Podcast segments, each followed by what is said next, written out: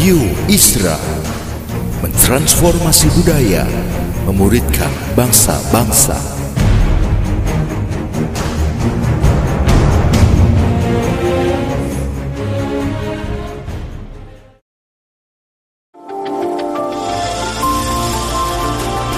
Voice of Pradaim menyuarakan paradigma kebenaran firman Tuhan yang esensi untuk memperlengkapi Anda menggenapi misi dan panggilan ilahi.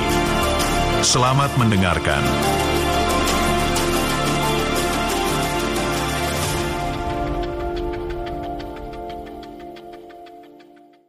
Nah, percayalah, ya saya sering kali ucapkan ini karena saya paling takut kalau ada di mimbar jadi merasa paling rohani, paling hebat, paling paling pinter sama sekali enggak, percayalah ya.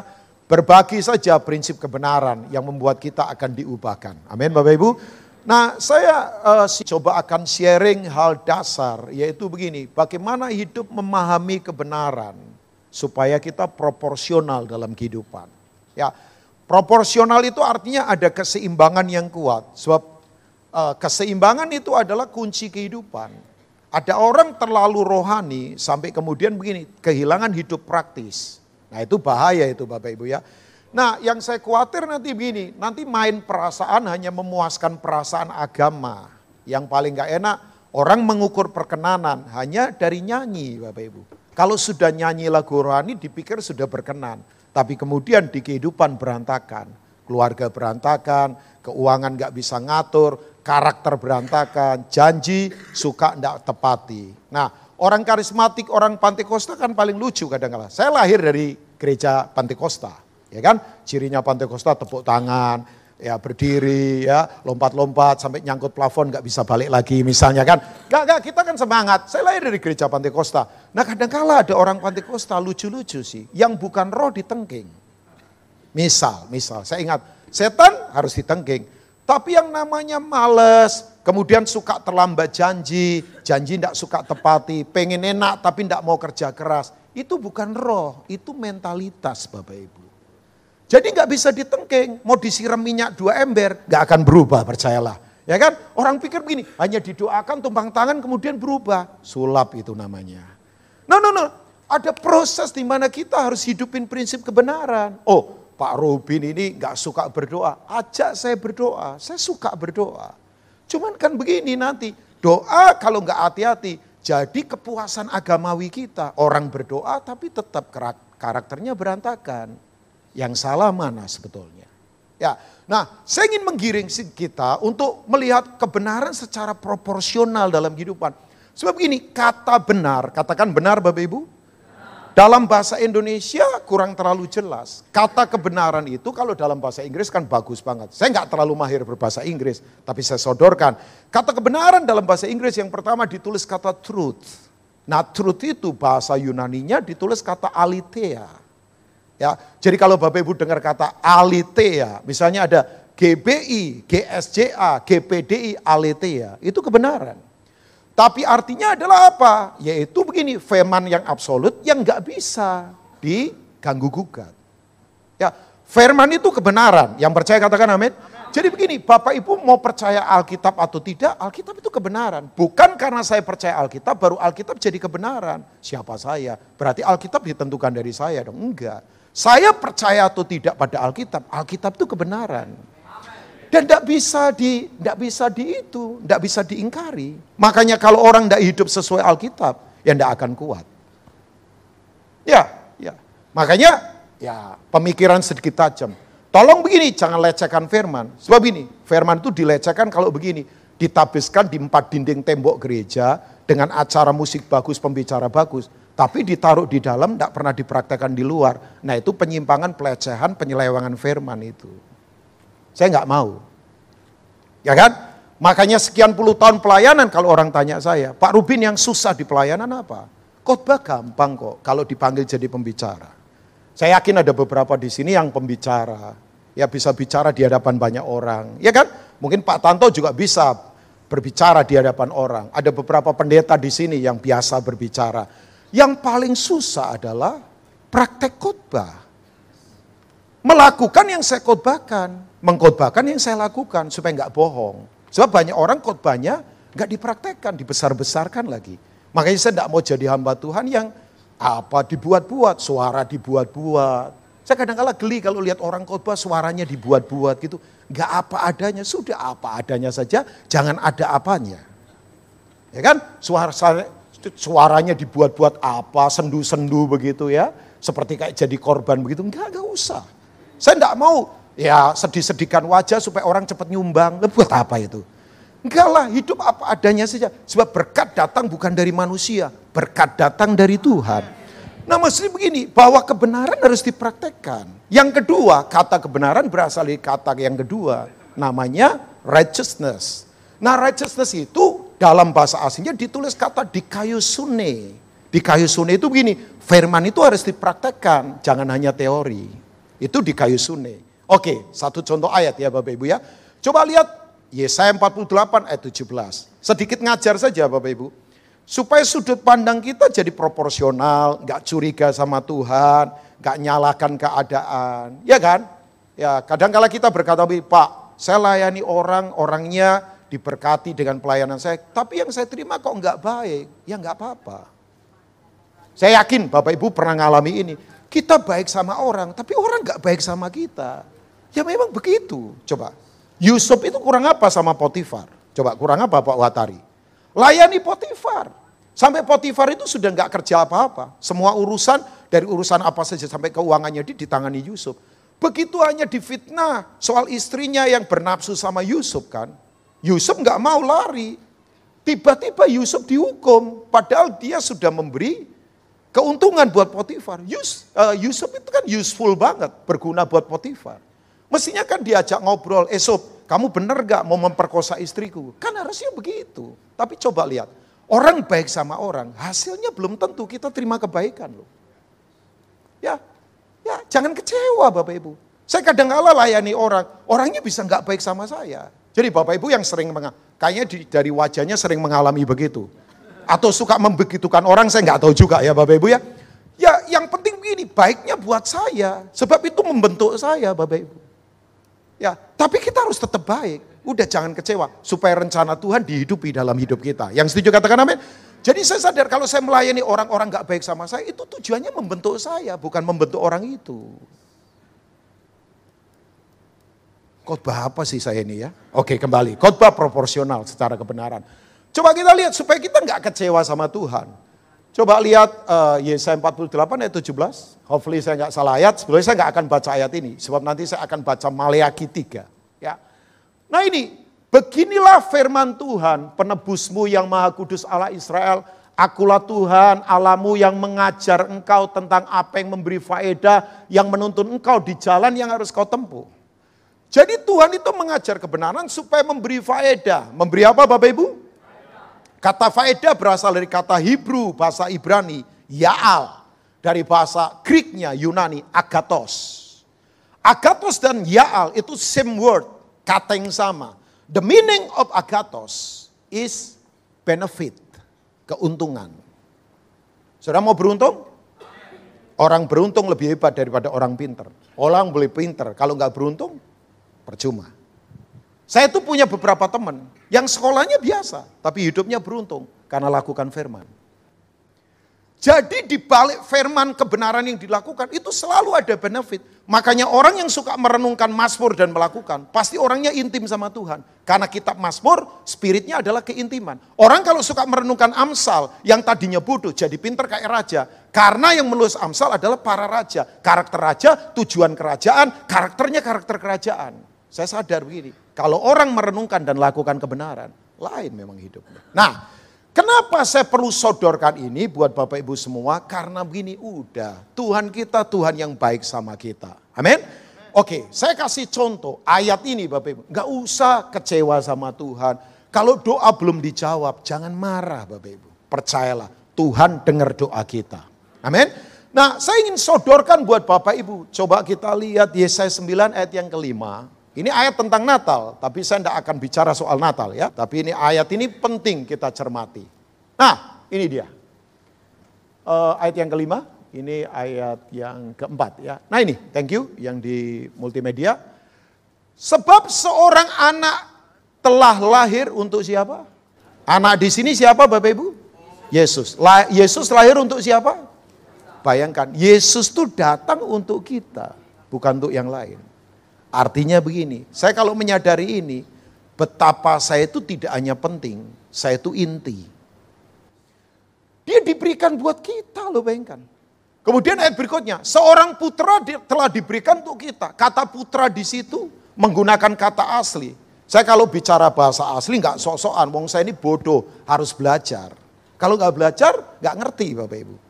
Makanya saya kalau dengar orang ya cuman baca Alkitab biasa saja, saya nggak mau. Saya mau merenung dalam karena ada banyak nilai besar di dalam firman Tuhan. Nah kata putra di sini memakai kata huyos, bukan teknon. Kalau teknon itu childish, kekanak-kanaan. Huyos itu apa? Putra yang berkualitas. Jadi Tuhan berikan pada kita itu Yesus yang berkualitas. Yang percaya katakan amin.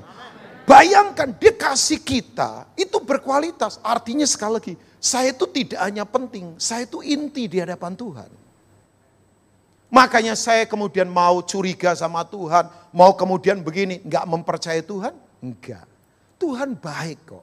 Saya beritahu sekarang ini yang lagi susah. Kalau Yesus saja diberikan buat kita, apalagi yang lain, dia pasti berikan yang terbaik buat kita. Nah, saya compare, saya compare saja dengan Roma 8 ayat 32. Coba, coba, ini bahasanya Paulus. Ya, Winston, majulah kamu. Ya, dia teman baik saya. Sudah minum kopi sebentar tadi? Sudah ya? Sudah seger kayaknya ya? Oke, iringin saya lah supaya romantis siang ini. Ya. Ayat 32 dari Roma pasal 8. Bapak Ibu kalau menyadari ini Bapak Ibu, wow, udah. Sekarang jangan ada yang kecewa, percayalah. Tuhan kita Tuhan yang selalu baik buat kita. Pahami dia Bapak Ibu. Saya seorang bapak.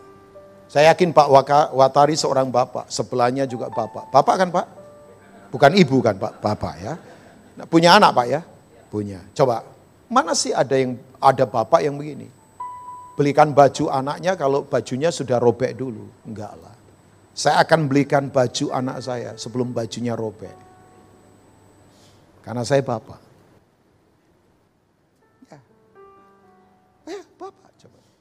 Bapak mau anaknya lebih hebat dari dirinya. Saya mau anak saya lebih hebat dari saya. Dan kalau dia lebih hebat dari saya, saya senang banget. Makanya sekarang dibutuhkan pemimpin yang punya hati bapak. Sebab bapak itu begini, nak kamu mau apa, bapak support. Kalau pemimpin enggak, support saya, dukung saya. Kalau bapak enggak, kamu mau apa, saya support. Kalau perlu saya berkorban habis-habisan. Kalau perlu saya enggak makan, anak saya kenyang. Makanya sekarang di gereja dibutuhkan bapak. Sebab ini, bapak itu pasti pemimpin. Pemimpin belum tentu bapak. Saya mau jadi bapak.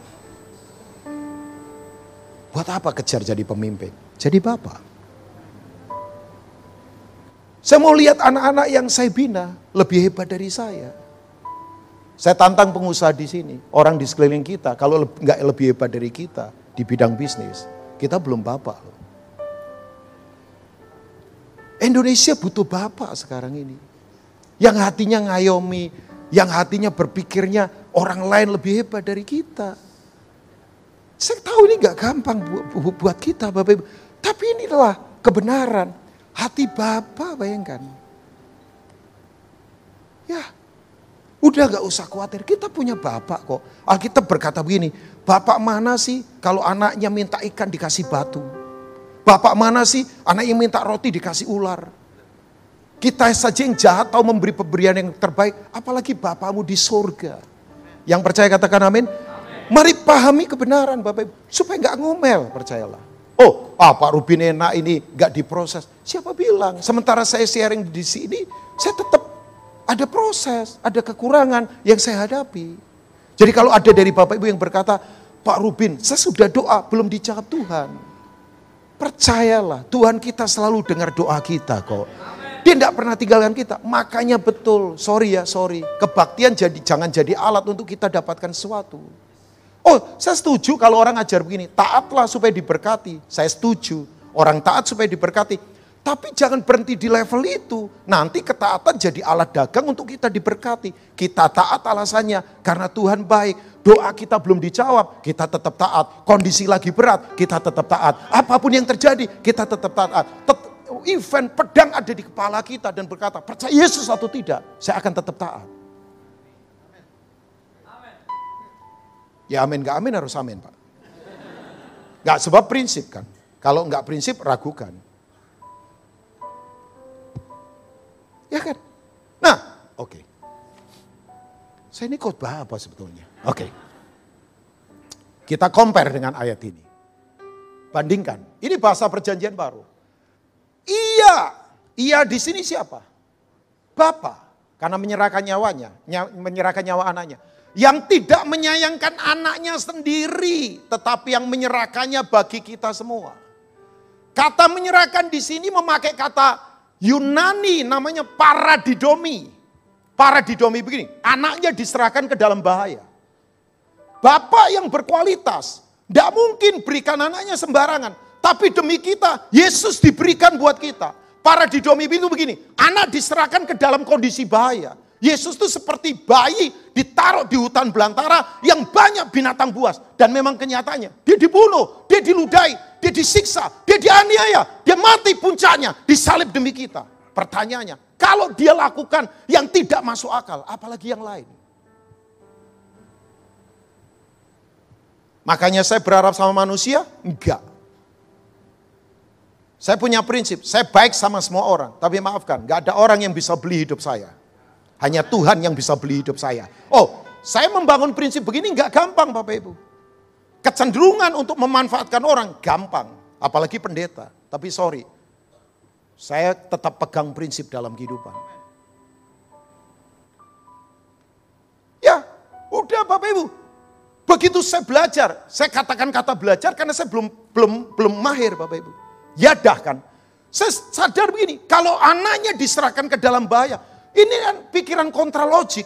Bapak Ibu yang punya anak, masa sih anak kita kita serahkan sama orang lain? Tapi Bapak lakukan itu demi kita loh. Coba. Kurang apa coba? Makanya saya tidak mau menyembah Tuhan biasa. Saya tidak mau melayani Tuhan biasa. Saya tidak mau hitung-hitungan sama Tuhan. Nanti, makanya kalau kita tidak punya sudut proporsional terhadap kebenaran. Tuhan nanti tegur kita dengan cara keras banget. Tapi percaya kalau Tuhan tegur kita keras. Karena Tuhan mengasihi kita. Amin. Anak itu ditegur karena Bapak mengasihi. Kemudian berhenti? Enggak. Ayat berikutnya berkata, bagaimanakah, yuk baca sama-sama jemaat yang diberkati Tuhan, dua tiga. Bagaimanakah mungkin ia tidak mengaruniakan segala sesuatu kepada kita bersama-sama dengan Yesus. Kata mengaruniakan di sini, katakan mengaruniakan. Menggunakan kata asli namanya karusiome. Dari kata itu muncul kata kasih karunia. Sebab karusiome itu begini, dia menghujani kebaikan bertubi-tubi tanpa pernah berhenti. Kalau orang tanya begini, Pak Rubin ngalami kebaikan Tuhan. Sampai hari ini tidak pernah berhenti. Kebaikan itu bertubi-tubi menyerang saya, bayangkan. Saya diserang kebaikan Tuhan. Bertubi-tubi tidak pernah berhenti. Sampai saya kewalahan. Tuhan baik. Saya tidak mau meragukan Tuhan. Hari ini jangan ada yang meragukan Tuhan. Pak kondisi masih sukar. Enggak apa-apa. Saya itu malah kayaknya paling suka dengar kesaksian. Orang-orang yang diproses, tapi tetap setia. Sorry ya, kalau kesaksiannya cuma yang spektakuler-spektakuler, hanya barang, fasilitas, mobil, rumah. Aduh, biasa itu. Maaf, dunia punya yang begituan. Minggu lalu dalam anugerah Tuhan saya pelayanan di Singapura. Ada teman saya yang perlu saya support, sebab dia baru ngerintis gereja. Orang Indonesia. Saya kenal dia sudah hampir 15 tahun yang lalu. Sekarang dia jadi gembala. Dia pengusaha di Jakarta, tinggal di Singapura. Waktu kemudian saya selesai sharing, ketemu anak muda, suami istri. Saya kaget. Pak Rubin masih ingat saya enggak? Oh iya, ibu kan ada di persekutuan di Surabaya, bener. Ngapain di sini? Ya, dia cerita saya kaget. Anak kita perempuan 12 tahun difonis kanker tulang Pak Rubin. Dan stadiumnya tinggi mesti dipotong. Sekarang lagi terus ditanganin. Coba. Jadi sudah sekian lama kita ada di Singapura. Tapi yang hebat Bapak Ibu, saya lihat orang ini ngomel enggak, bersungut enggak, ceria ngomong, tetap semangat. Bahkan sebelum kita bisa, dia ngomong sama saya, Pak Rubin tetap setia layani Tuhan ya. Jangan pun pernah mundur setapak kaki pun. Saya nasihati dia, tapi dia juga kuatkan saya. Padahal waktu itu saya lagi lemes.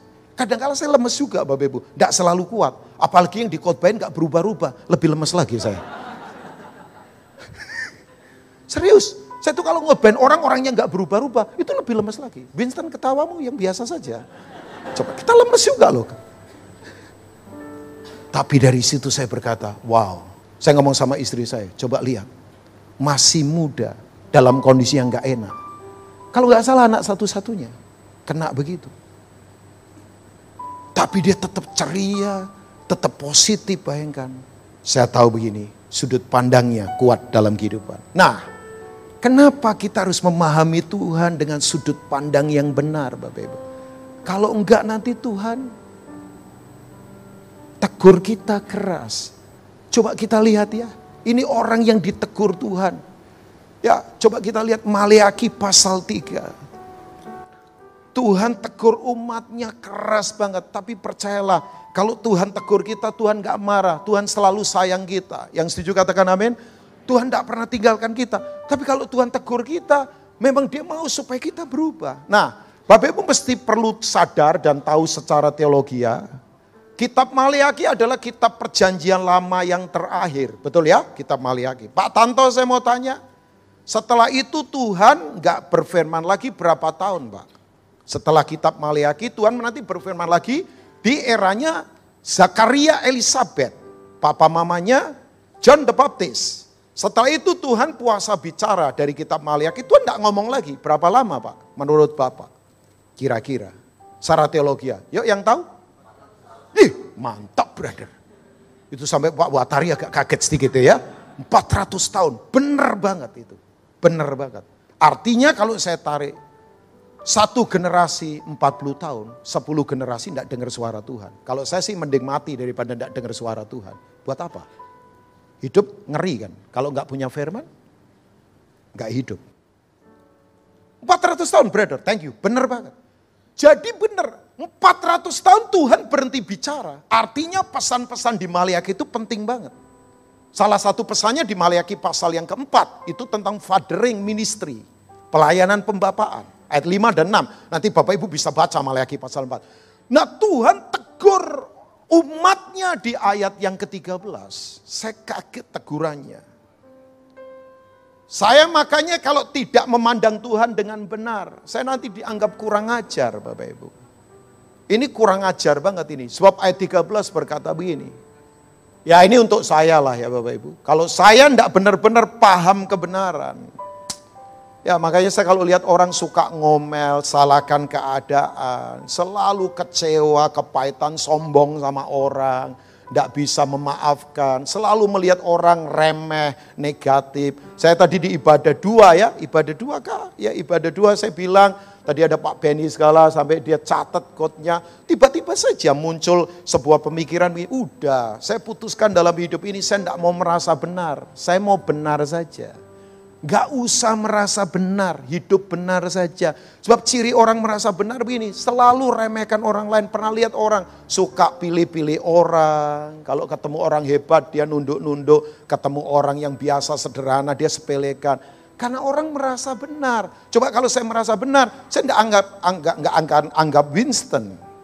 Padahal apa yang Winston punya, ada banyak hal yang saya bisa banyak belajar. Makanya saya suka duduk sama anak muda, saya dengerin mereka loh bayangkan. Oh iya iya iya, saya putuskan begini, saya tidak mau merasa benar. Memang betul, orang itu kalau hidup benar saja, tidak akan pernah berpikir jadi siapa-siapa dan tidak akan merasa memiliki apa-apa. Kenapa orang stres? Karena sudah rasa dirinya siapa dan hidupnya memiliki apa-apa. Padahal saya beritahu, kita ini punya apa sih? Sorry ya, kalau sudah sakit berat, harta dan kekuasaan tidak bisa menolong Bapak Ibu. Mau punya harta berapa? Mau punya kekuasaan sebesar apa? Gak bisa tertolong. Coba. Oh serius Bapak Ibu. Coba, saya baru dari luar pulau beberapa saat. Ketemu satu pengurus gereja. Pengurus gerejanya itu ngomong sama saya curhat. Pak Rubin, saya kecewa sama satu pendeta. Loh, kenapa kecewa? Iya Pak Rubin, ini pendeta bawa rombongan dari Korea. Oh gitu. Nah kenapa? Nah biasanya di gereja kan ada ruang VIP. Memang ruang VIP itu supaya pembicara bisa istirahat. Tapi kadang-kala di ruang VIP malah kita seru nggak istirahat. Apalagi diakannya baru-baru tiap kebaktian, pengen ngomong masih seger, ya kan? Nah kitanya yang sudah khotbah lama jadi ngomong lagi kan akhirnya. Jadi ya nggak pak, nggak apa-apa lagi. Jadi kita ngobrol begitu. Nah tahu Bapak Ibu, ini yang lucu. Waktu kemudian di ruangan VIP itu, ini pendeta yang bawa ini Bapak Ibu keluar ke kamar kecil. Ya kamar kecilnya di luar. Nah ruang VIP-nya penuh. Tiba-tiba pengurus ini yang komplain sama saya ini, yang curhat sama saya ngomong ini, saya baru keluar dari ruangan VIP Pak Rubin. Eh pendeta itu baru masuk. Kemudian saya ngomong sama teman saya, eh ruangan VIP kok penuh ya? Nah dikiranya ngomong sama pendeta ini. Dikiranya pendeta ini nggak boleh masuk karena ruangan VIP penuh. Marah pendeta ini, komplain ke gembalanya. Kasih tahu pengerjamu itu, jangan kurang ajar. Dia nggak tahu saya ini siapa. Coba. Wih, Nah pengurusnya ngomong, coba dia ngomong begitu Pak Rubin. Dia ngomong, kamu nggak tahu saya ini siapa. Nah Pak, saya ngomong sama dia, udah Pak, kalau orang ngomong begitu Bapak hindarin dulu saja. Loh kalau dirinya saja lupa, apalagi orang lain. Loh orang kalau lupa diri kan kesurupan berarti Bapak Ibu ya. Tunggu saja waktu, nanti kalau dia sudah ingat lagi, baru diajak ngobrol. Sudah ingat namamu belum? Oh sudah, baru ngobrol lagi kan. Nah Bapak Ibu gini, dia tanya, kok bisa begitu ya Pak Rubin? Ya sudahlah, makanya Orang kalau sudah rasa dirinya siapa dan memiliki apa-apa, repot. Saya tidak mau. Saya sadar saya bukan siapa-siapa kok. Saya bukan artis. Saya tidak punya apa-apa kok. Saya punya apa? Coba Tuhan tiup saja, hilang saya. Selesai.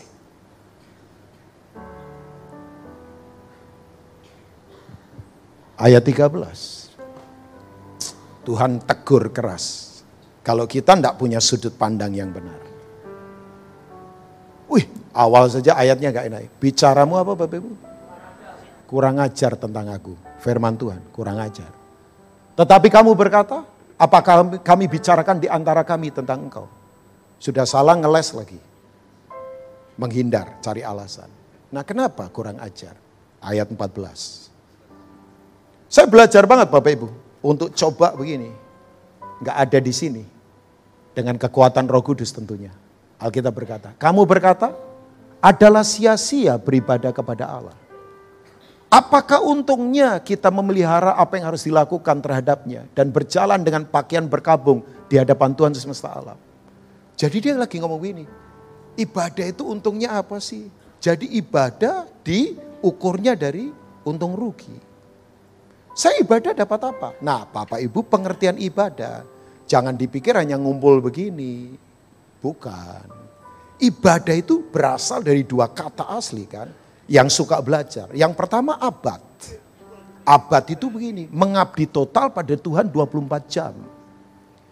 Jadi ibadah itu bukan hanya tepuk-tepuk tangan, dengar khotbah saja.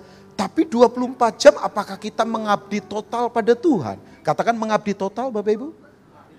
Jadi saya bisa khotbah di sini, tapi kalau hidup saya tidak mengabdi total pada Tuhan, saya belum ibadah. Makanya tadi saya katakan kan, orang sadar Tuhan hanya di kebaktian, tapi nggak sadar Tuhan di kehidupan, nggak kuat. Ya, kalau di kebaktian orang bisa sadar Tuhan. Wong nyanyi lagu tentang Tuhan, khotbah tentang Tuhan, pengumuman tentang acara rohani. Tapi pertanyaannya, di luar sadar Tuhan enggak? Kan kalau cuma sadar Tuhan di kebaktian biasa. Wong memang di kebaktian dibuat sadar ada Tuhan. Tapi pertanyaannya, di luar sadar ada Tuhan kak? Makanya kata ibadah berasal dari kata abad. Itu mengabdi total pada Tuhan 24 jam. Nah kata kedua dari kata ibadah, itu berasal dari kata esiobia. Esiobia itu artinya ini, kekudusan dan kehormatan yang kita kerjakan dalam kehidupan. Ya. Jadi kalau kita tidak kudus dan terhormat dalam kehidupan, belum beribadah. Sorry ya, tepuk tangan boleh, nyanyi lagu boleh, ngangkat tangan. Tapi kudus gak di luar sana? Oh ya, saya boleh khotbah rohani begini, tapi hidup saya kudus gak di luar sana? Bagaimana perlakuan saya sama istri saya? Bagaimana perlakuan saya sama orang lain? Oh, masa sih Pak Rubin pendeta perlakuannya bisa kasar sama istrinya? Banyak Bapak Ibu. Masa, sorry ya, saya itu tidak terkesima dengan orang baik di gereja. Jangan kaget kalau orang hanya baik di gereja, tapi di luar berantakan. Saya tidak mau ketipu orang yang cuma baik di gereja. Untuk baik tidak usah percaya Yesus. Yesus cari orang benar. Amin Bapak Ibu. Yesus cari orang yang punya alitea. Yesus cari punya orang yang punya di kayu sone. Orang yang melakukan prinsip kebenaran. Makanya dia ngomong begini, eh kamu jangan kurang ajar. Dan berkata begini, apa untungnya sih ikut Tuhan? Apa untungnya mengabdi? Apa untungnya kudus? Apa untungnya terhormat di hadapan Tuhan? Orang pikir itu dianggap biasa. Saya kasih contoh Bapak Ibu. Kok saya jadi semangat sendiri nih? Nah saya akan tetap semangat. Sebab ini prinsip yang harus kita bangun Bapak Ibu. Kalau enggak kita enggak kuat di luar sana. Kita pikir tepuk tangan kita membuat kita kuat di luar sana. Saya lagi kaget dan prihatin. Angka perceraian di kalangan Kristen makin luar biasa. Kita tadi ngobrol di ruang VIP ya Pak Tanto. Prihatin loh Bapak Ibu. Saya ingatkan Bapak Ibu, tantangan tidak gampang. Yang muda-muda juga sama. Godaan kalian saya yakin gak mudah. Godaan apa saja, bayangkan. Saya ketemu dengan banyak orang yang sekarang lagi beratnya luar biasa. Saya tahu realita kehidupan tidak gampang Bapak Ibu. Makanya tadi saya katakan, saya khotbah begini gampang Bapak Ibu. Tapi memang harus fokus kepada pemahaman yang kuat. Saya kasih contoh orang terhormat. Saya suka orang ini. Namanya Uria. Coba lihat Matius 1 ayat yang ke-6 Bapak Ibu. Ini orang hidup sesuai namanya Uria. The man of honor. Ini pria terhormat. Saya sampai bercanda sama istri saya. Kita dapat anak satu saja dari Tuhan. Memang secara medis kandungan istri saya agak unik. Sampai dokter ngomong, kalian bisa punya anak luar biasa loh. Sembarangan lagi, dia meragukan kepriaan saya ya. Padahal saya pria loh. Bapak bisa punya anak itu anugerah. Ya, dia ya dia bercanda itu dokternya saya kenal juga. Nah, saya sampai bercanda sama istri saya. Anak saya, anak kita perempuan. Sampai saya ngomong ini, sayang kalau kita punya anak laki-laki, salah satunya saya pengen kasih nama Uria. Siapa dia Bapak Ibu? Ini ayat aneh Bapak Ibu. Ayat ini aneh. Isai memperanakan Raja Daud. Daud memperanakan Salomo dari dari siapa Bapak Ibu? Yang aneh, apa kena mengenanya Uria? Gak ada. Kok bisa masuk di silsilah Yesus? Dari Abraham ke Daud 14 keturunan. Dari Daud ke pembuangan Babel 14 keturunan. Dari pembuangan Babel ke Kristus 14 keturunan. Ini orang-orang yang masuk di silsilah Yesus itu orang-orang powerful yang luar biasa. Orang biasa tapi hatinya luar biasa. Kok Uria masuk?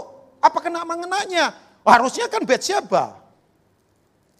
Karena istrinya Betsyeba. Betsyeba hilang, Uria yang masuk. Saya terpukul kan membaca ini. Siapa dia ini, orang ini? Oh ini orang nggak main-main Bapak Ibu. Bapak Ibu bisa baca di kitab Samuel. 2 Samuel pasal 11, nanti Bapak Ibu baca. Siapa Uria?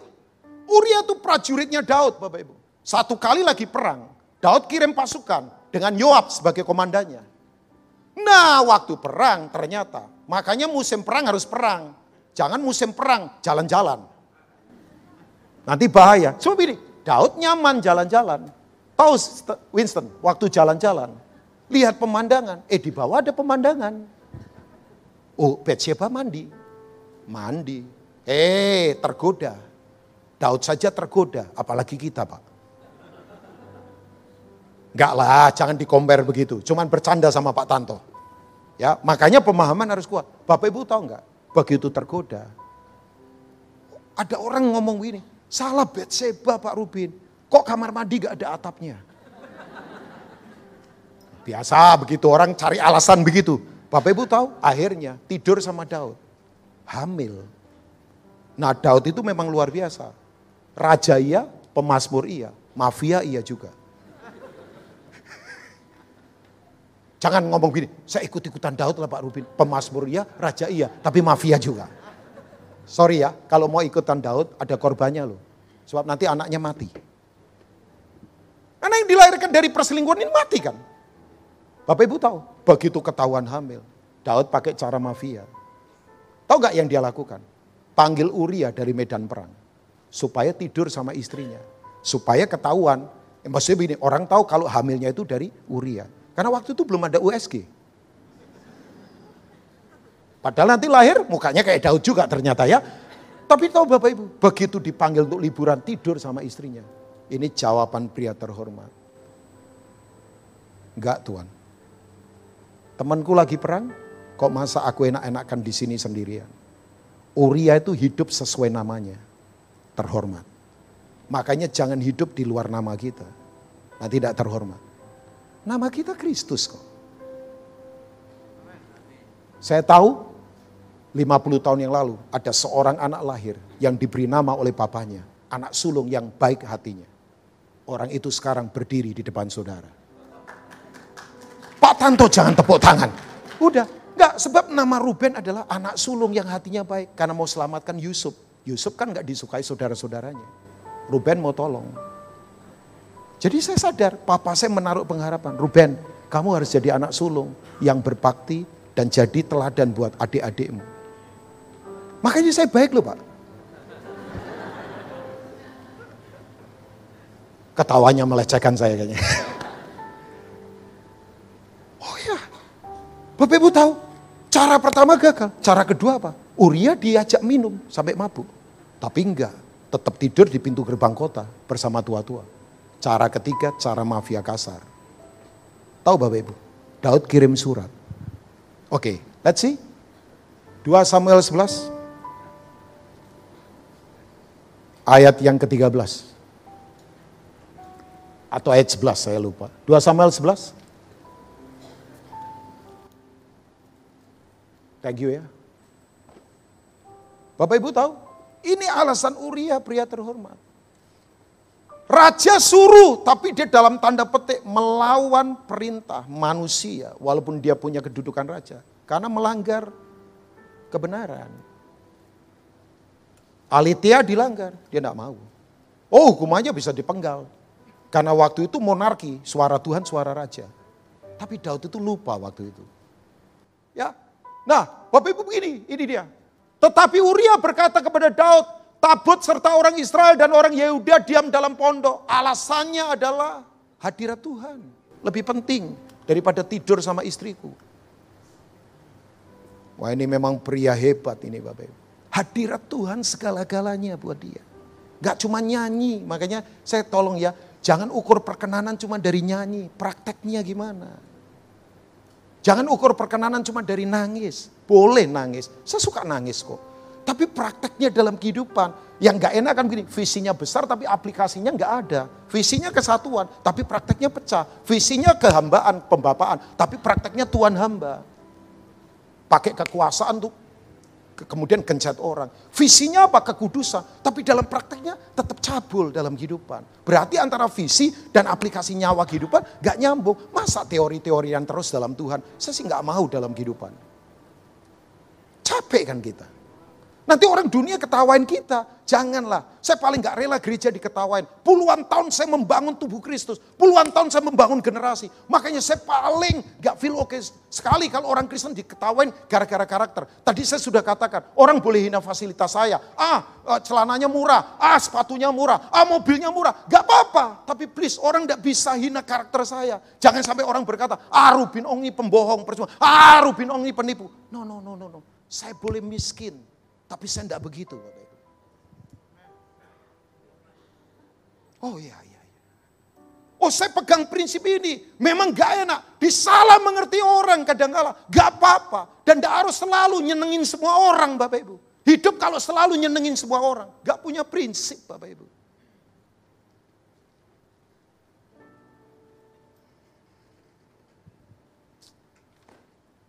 Tabut Allah ada di sana Tuhan. Juga Tuanku Yoab dan hamba-hamba Tuanku sendiri berkemah di padang. Teamwork lebih penting daripada dirinya. Makanya orang yang punya kebenaran itu selalu, aku tidak penting, kita lebih penting. Kita lebih penting daripada aku. Aku tidak penting, kita lebih penting daripada aku. Aku yang utama. Eh, aku nggak utama. Kita yang utama. Kita nomor satu. Aku nggak perlu. Semua persoalan karena orang aku, Bapak Ibu. Bayangkan. Ini Daud tertemplak-templak seharusnya.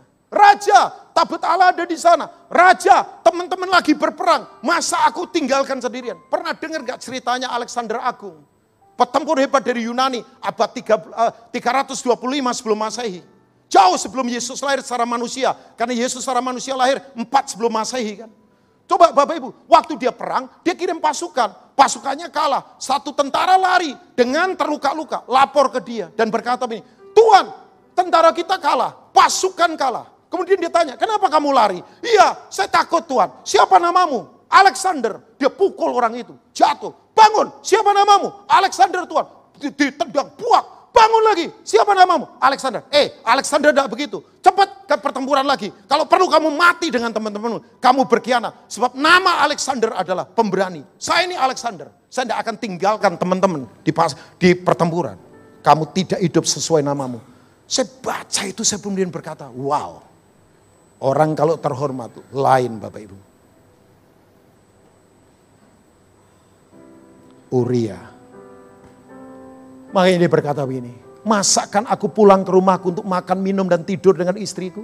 Demi hidupmu, demi nyawamu. Aku tak akan melakukan hal ini. Sudah tahu enggak? Nanti Daud kerjain dia di pertempuran besar. Dia berhadapan sendirian dengan para raksasa.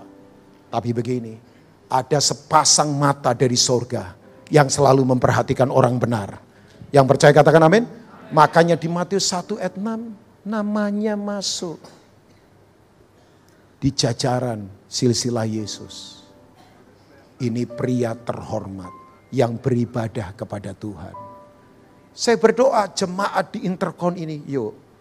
Jangan ukur untung rugi sama Tuhan. Sebab Tuhan selalu baik buat kita. Coba kembali ke ayat yang ke Maliaki 3, saya akan tutup di ayat 15. Setelah ini kita berdoa, saya sudah selesai, tapi saya tutup, mungkin ah ini dia.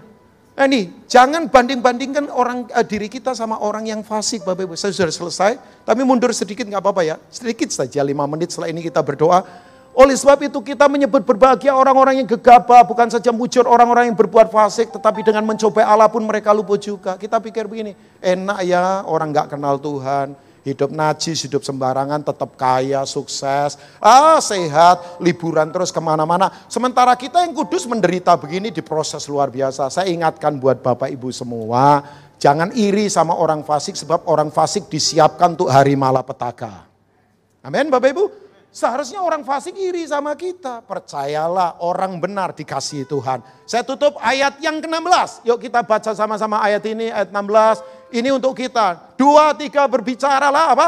Beginilah berbicara satu sama lain. Orang-orang yang takut akan Tuhan, yuk lebih kuat lagi. Tuhan memperhatikan dan mendengarnya. Sebuah kitab peringatan ditulis di hadapannya. Bagi orang-orang yang takut akan Tuhan. Dan bagi orang-orang yang menghormati namanya. Satu lagi ayat 17, kita baca sama-sama ini ayat buat kita. Yang takut akan Tuhan, dua, tiga. Mereka akan menjadi milik kesayanganmu sendiri. Firman Tuhan semesta alam pada hari yang kusiapkan, aku akan mengasihani mereka sama seperti seorang menyayangi anaknya yang melayani dia. Yang setuju katakan, jangan kecewa sama Tuhan, jangan curi kayak Tuhan. Tetap melayani, tetap berkorban, tetap beribadah. Karena ujungnya ada dalam kekekalan. Kita memerintah bersama dia. Tuhan memberkati. God bless you all. Amin buat firman Tuhan.